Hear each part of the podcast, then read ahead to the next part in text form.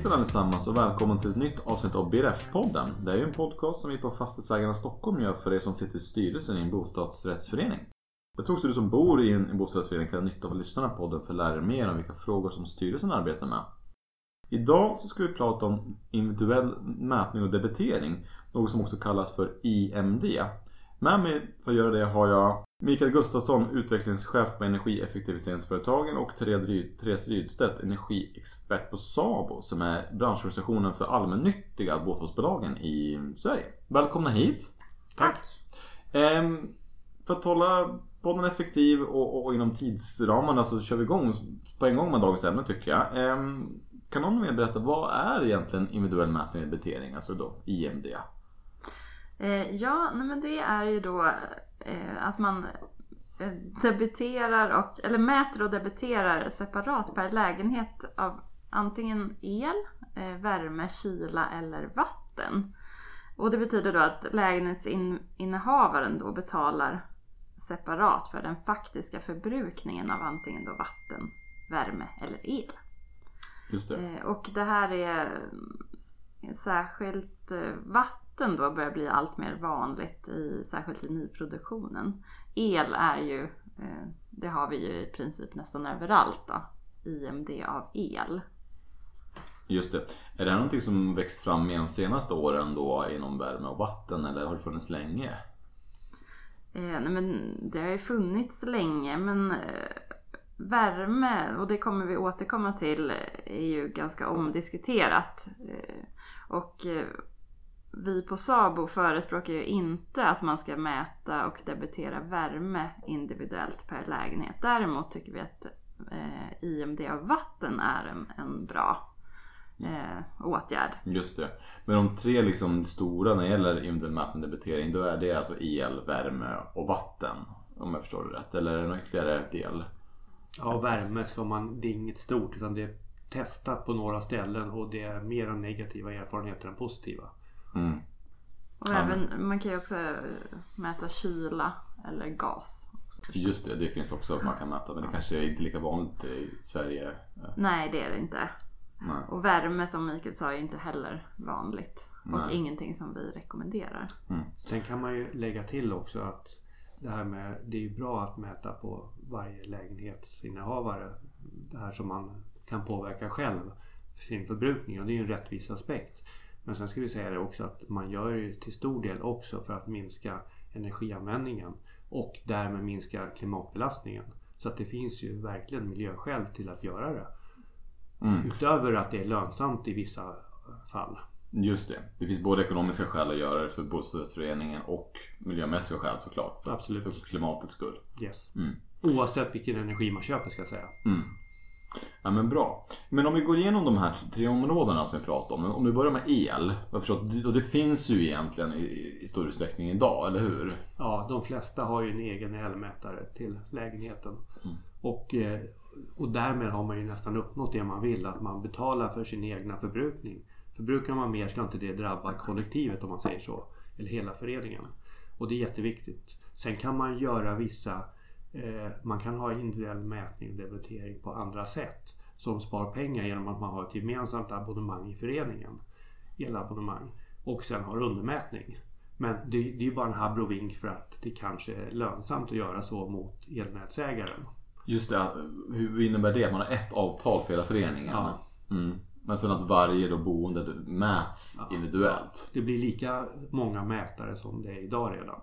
Men det är bara att det blir lite billigare i vissa avseenden. Men man får se till att hålla ordning på mätarna själv så att säga. Eller att ha någon part, extern part som gör det åt en. Och det, varför blir det billigare för? Därför då har föreningen ett abonnemang Mm. hos elnätsägaren. Just, istället för just det, 20, 30, Ja, ja, 100 ja. abonnemang som det blir annars. Så att man har redan uppnått liksom det här att det är bra att man får sin egen elräkning. Och man kan spara själv. Mm. Så det, det är redan tillgodosett. Mm. Men det man kan tänka på där är ju att de boende då inte har möjlighet att själva välja elleverantör. Eh, vilket kan ju vara en aspekt på det hela. Att man kan vilja göra det. Just det, om man vill ha olika typer av Ja. klimatmässig el eller liknande. Så, så, så är det det. föreningen upphandlar, det man Mm. har. Ja. Men föreningen upphandlar ju på en stämma där, där medlemmarna på stämman säger att de kanske vill ha klimatneutral el eller någonting. Så att det går ju men inte helt individuellt. Nej, just det. Um, ja, men jättebra. Um, just det, sen var det också bara för att du sa att då hamnar ansvaret på den här mätningen på föreningen eller att upphandla det mm. hos en tredje part. Elbolagen gör ju inte det längre då. Ja, föreningen tar på sig ett ansvar. Mm. Mm. För att tjäna lite pengar. Mm. Ja, just det. Eller spara pengar ska vi säga. Mm. Ja men bra. Um, något annat om elen och mätningen av det som du tänker på? Nej, det är inget vi går in på djupare ja. tycker jag idag. Nej, Nej men bra. Um, ja men värmen då som vi var inne på lite tidigare och varför, eller snarare varför inte man ska ägna sig åt det om jag förstår. Varför finns det lite bakgrund till det och um, varför har man landat i de slutsatserna? Eh, ja, men framförallt då så eh, fungerar det här dåligt i svenska flerbostadshus. För att vi bygger på ett sätt eh, som gör att vi, det, husen är, funkar som en termos kan man säga. Eh, med välisolerade ytterväggar och tak. Medan inväggarna mellan lägenheterna eh, i princip inte har någon isolering. Så därför flödar ju värmen fritt då inom den här termosen. Eh, så om du Eh, bor i en lägenhet och vill ha varmt, säg 24 grader, jag bor bredvid dig och vill ha 18 så kommer det här inte riktigt att fungera. För, eh, och dessutom så är det så att om man bor då i mitten av ett, av ett hus så kan jag egentligen eh, stänga av min värme eller sänka den väldigt mycket eh, och få värme av dig. Och jag behöver då inte betala något medan du får betala för min värme.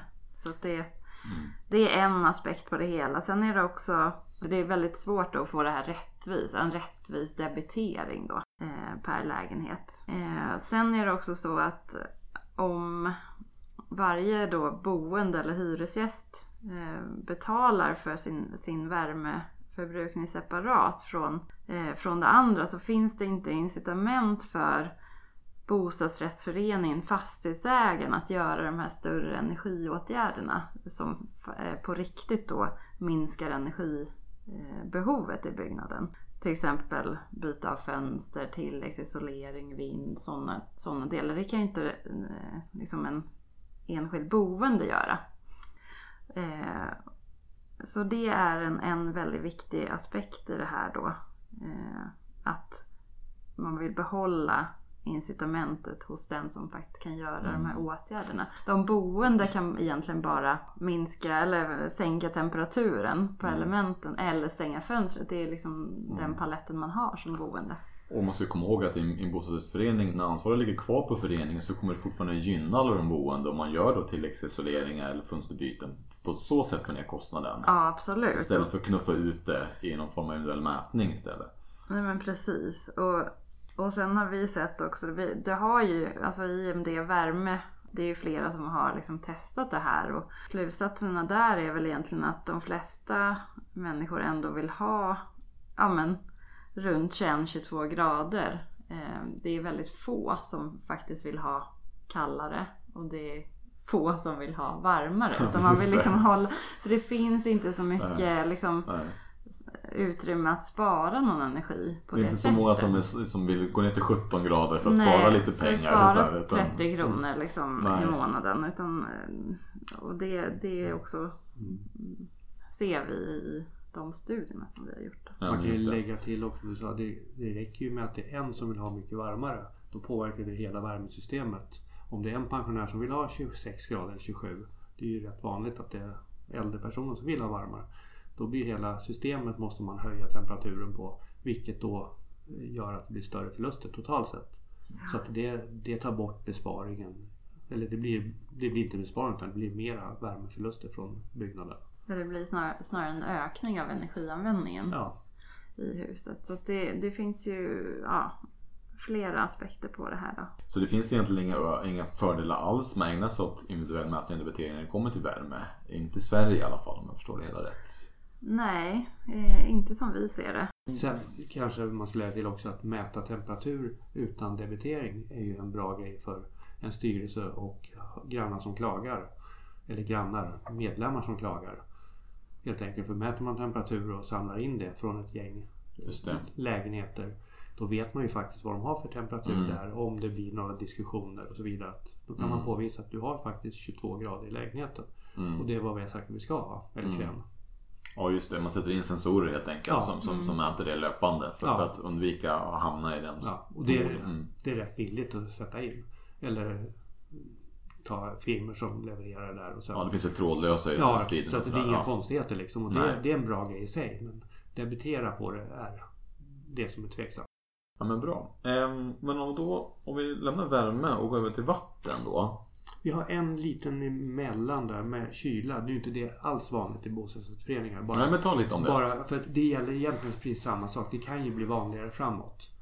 Men likadant där. Det är inget man bör debitera per lägenhet. Det är precis samma. Det är bara att det råkar vara sommar ute och varmt i en lägenhet. Och ska man då ha kyla till varje och som de får betala så blir det bara massa krångel. Så det bör man inte heller om det nu skulle vara aktuellt någonstans. Men däremot om man har lokaler i bostadsrättsföreningen som vill ha kyla i ja, gatuplanet till exempel och har någon gemensam kylanläggning på något sätt eller borrhål. Då ska man ju absolut debitera de lokalhyresgästerna för kylan och sätta in mätare. Mm. Men det är en helt annan sak. Mm. Ja men absolut, ja. Nej men bra. Ehm, och det är möjligt att kyla kommer bli mer efterfrågat framöver. Ja. Med eventuella... Men, Mm. Kom. Sen är det massor man kan göra innan man stoppar in kyla. ja. Ta, minska värmetillskott från belysning och solskydd och det finns bra mycket man ska göra innan man ens kommer in på och installera aktiv kyla. ja men bra. Ja men då, eh, vatten. Och individuell mätning och debitering runt det. Eh, vad finns det att säga om det? Där är sån där... eh, Det tycker jag man borde göra i hög grad så att säga. För det är en liten rättvisefråga som jag var inne på i början. Att de som förbrukar mycket ska betala mer än kollektivet. Så att där tycker jag man bör verkligen sätta in det både för varmvatten kostar ju då energi att värma upp. Kallvatten inte lika mycket men samtidigt har ju vattenbolaget, vattenverket energi för att pumpa fram det där vattnet och rena det. Så att man bör ju ur resurssynpunkt även spara på vanligt kallvatten. Även om det inte kostar lika mycket. Men det är olika i olika delar av landet så det är inte gratis längre. Och det blir, kommer antagligen bli en högre kostnad framöver. Och sätter man in individuell värmemätning på varmvatten Tar man med kallvattnet då så sitter en mätare bredvid. Mm. Och de mätarna behöver inte alls vara så avancerade utan det räcker att mäta flöde tycker jag. Alltså inte mäta temperatur och flöde för då blir, då blir det som en värmemängdsmätare och de är både dyrare och krångligare. För bolagen som levererar vatten idag, de, kan göra eventuell mätning och debitering åt bostadsföreningarna. Nej, det är, antagligen så är det nog så att de inte gör det utan de levererar bara till huset. I alla förekommande fall, vad jag vet i alla fall. Så att där ska man hitta en firma som kommer, sätter in mätare, enkla mätare. Och trådlöst är det som är billigast och inte bäst idag men tillräckligt bra. Kan man tråda upp mätare så funkar de alltid bättre än de som är trådlösa. Men Mm. de trådlösa räcker till utan vidare för det här. Mm. Och sen får man det visat för sig på en hemsida eller en app eller någonting. Till då både hyresgäster och, och bostadsrättsförening. Just det, och utifrån den sen gör man debiteringen då på, Ja. på, på månadsavgiften för Ja. eller årsavgiften. Mm. Ja men vad bra. Ehm, hur mycket, är, det- finns det pengar för, på att spara här också för, för föreningarna och på det sättet? eller? Ja, alltså lönsamheten. Dels bör man ju göra av rättviseskäl och klimatskäl och allting sådär. Men eh, kalkylen visar ju alldeles på vad värmen kostar. Vad kostar vattnet på orten? Vad kostar att installera mätarna? Och det är många parametrar som man ska gå igenom för att se lönsamheten i det. Och det inte jättepengar i någon av delarna. Så att ibland kan det vara lite olönsamt, ibland kan det vara lite lönsamt. Men om man vänder på det och säger att värme, alltså värme till tappvarmvatten är kanske 20-30% av husets förbrukning av värme. Alltså om man har fjärrvärme till en byggnad Mm. så kanske 20-30% ligger på tappvarmvattnet. Och om man då kan spara bort en tredjedel av det, vilket inte är omöjligt, då sparar man ju faktiskt 10% av husets värmeförbrukning. Just värmeanvändning ska jag säga, inte förbrukning. Just det. Mm. Och på så sätt sänka sina kostnader. Ja. Och sen är det ju alltid en klimatnytta i det. Så är Ja, det. det är Och, och rättvisefråga. Ja. Och jag antar att när det blir synliggjort för människor hur mycket de förbrukar så går den förbrukningen ner. Jag kan Mm. tänka mig att det är sådana effekter. Eller vilka erfarenheter har ni av det? vi, vi förbrukar löjligt mycket vatten i snitt per person i, i Mm. Sverige. Mm. Så är det. Jämfört med många andra länder. Sen finns det ju, om man, när man har installerat eller innan man installerar individuell mätning för varmvatten och kallvatten så bör man göra åtgärder också. Att, så att det finns möjlighet för dem. Dels ska man informera om boende, självklart, och allt det här. Men det finns ju småspolande munstycken som man sätter på alla tappkranar hemma så att det blir exakt vad man behöver till en eh, diskho eller handfat. Och inte mer än så. Ofta så gör man av med tre, fyra gånger mer flöde än vad man behöver. Och stoppar man dit, det finns ju firmor som gör sånt, åker dit och installerar det där. Då har man ju möjlighet att spara vatten fast man inte, det är liksom ingen minskad komfort överhuvudtaget. Nej, nej precis. Och det är sådana steg man kanske kan börja med också innan Ja. man kopplar upp och ska göra en individuell mätning. Och Ja. bara se vad som händer med förbrukningen Ja. att bara göra sådana enkla Mm, åtgärder. Absolut, ja Mm. precis. Eller Ja. gör man individuell förbrukning, sen märker de vad mycket de använder och sen sätter man dit det där och känner fasen vad bra, nu har jag börjat spara. Så det är lite psykologi där också. Ja men absolut. Sen ska vi säga, det finns ju de som bor lite längre. Det finns något som heter var- varmvattencirkulation. Och det är till för att varmvattnet ska komma snabbt. Och eh, de som bor längst upp eller längst bort så kan de ofta få spola rätt mycket innan det kommer varmvatten och det är orättvist. Så att där kanske man bör tänka på att installera eller förbättra systemet så att varmvattnet kommer lika snabbt till alla. För annars blir det lite orättvist Just var det. man bor i huset. Och det är inga konstigheter heller. Det finns de som gör som sätter in en bättre cirkulation på varmvattnet. Och har man gjort det, då finns det liksom ingen orättvisa kvar i systemet längre. Nej. Nej men jättebra. Vad finns det för regelverk runt det här med IMD och vad säger lagarna kring det? Ja, nej men EU-kommissionen vill eh, gärna införa det här i, i IMD både på var- varmvatten och värme i Europa. Så det har varit på tapeten eh, ganska länge då. Och det som vi vet nu det är att det finns ett nytt energieffektiviseringsdirektiv som klubbades eller trädde i kraft eh, december 2018.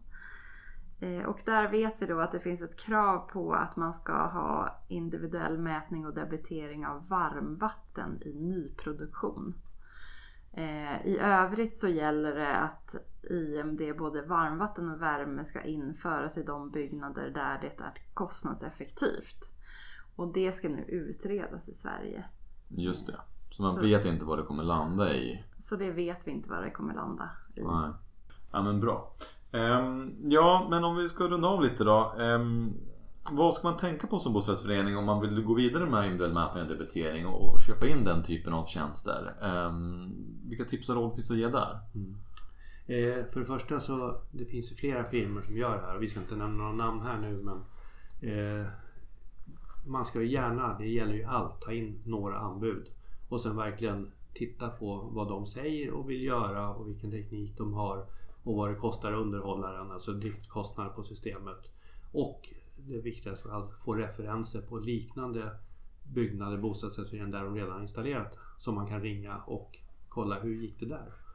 Det, Jättebra. det är den viktigaste punkten av allt. Kan de brukar hjälpa till att räkna på besparingar och sådana saker och, i sin anbud? Det bör de, det bör de kunna helt enkelt. Mm. Även om de kanske har schabloner för det så bör de ha ett hum om det. Just det. Ja men bra, då kanske vi, tror vi ska avrunda och för att sammanfatta lite kort då. El, bra, men det sker ju i stor utsträckning idag. Värme, nej. och, och vatten, ja. Där borde man jobba mer med egentligen. Tack då för att ni tog er tid att komma hit idag. Tack så mycket. Stort, stort tack. Ja, tack, tack. Tack, hej.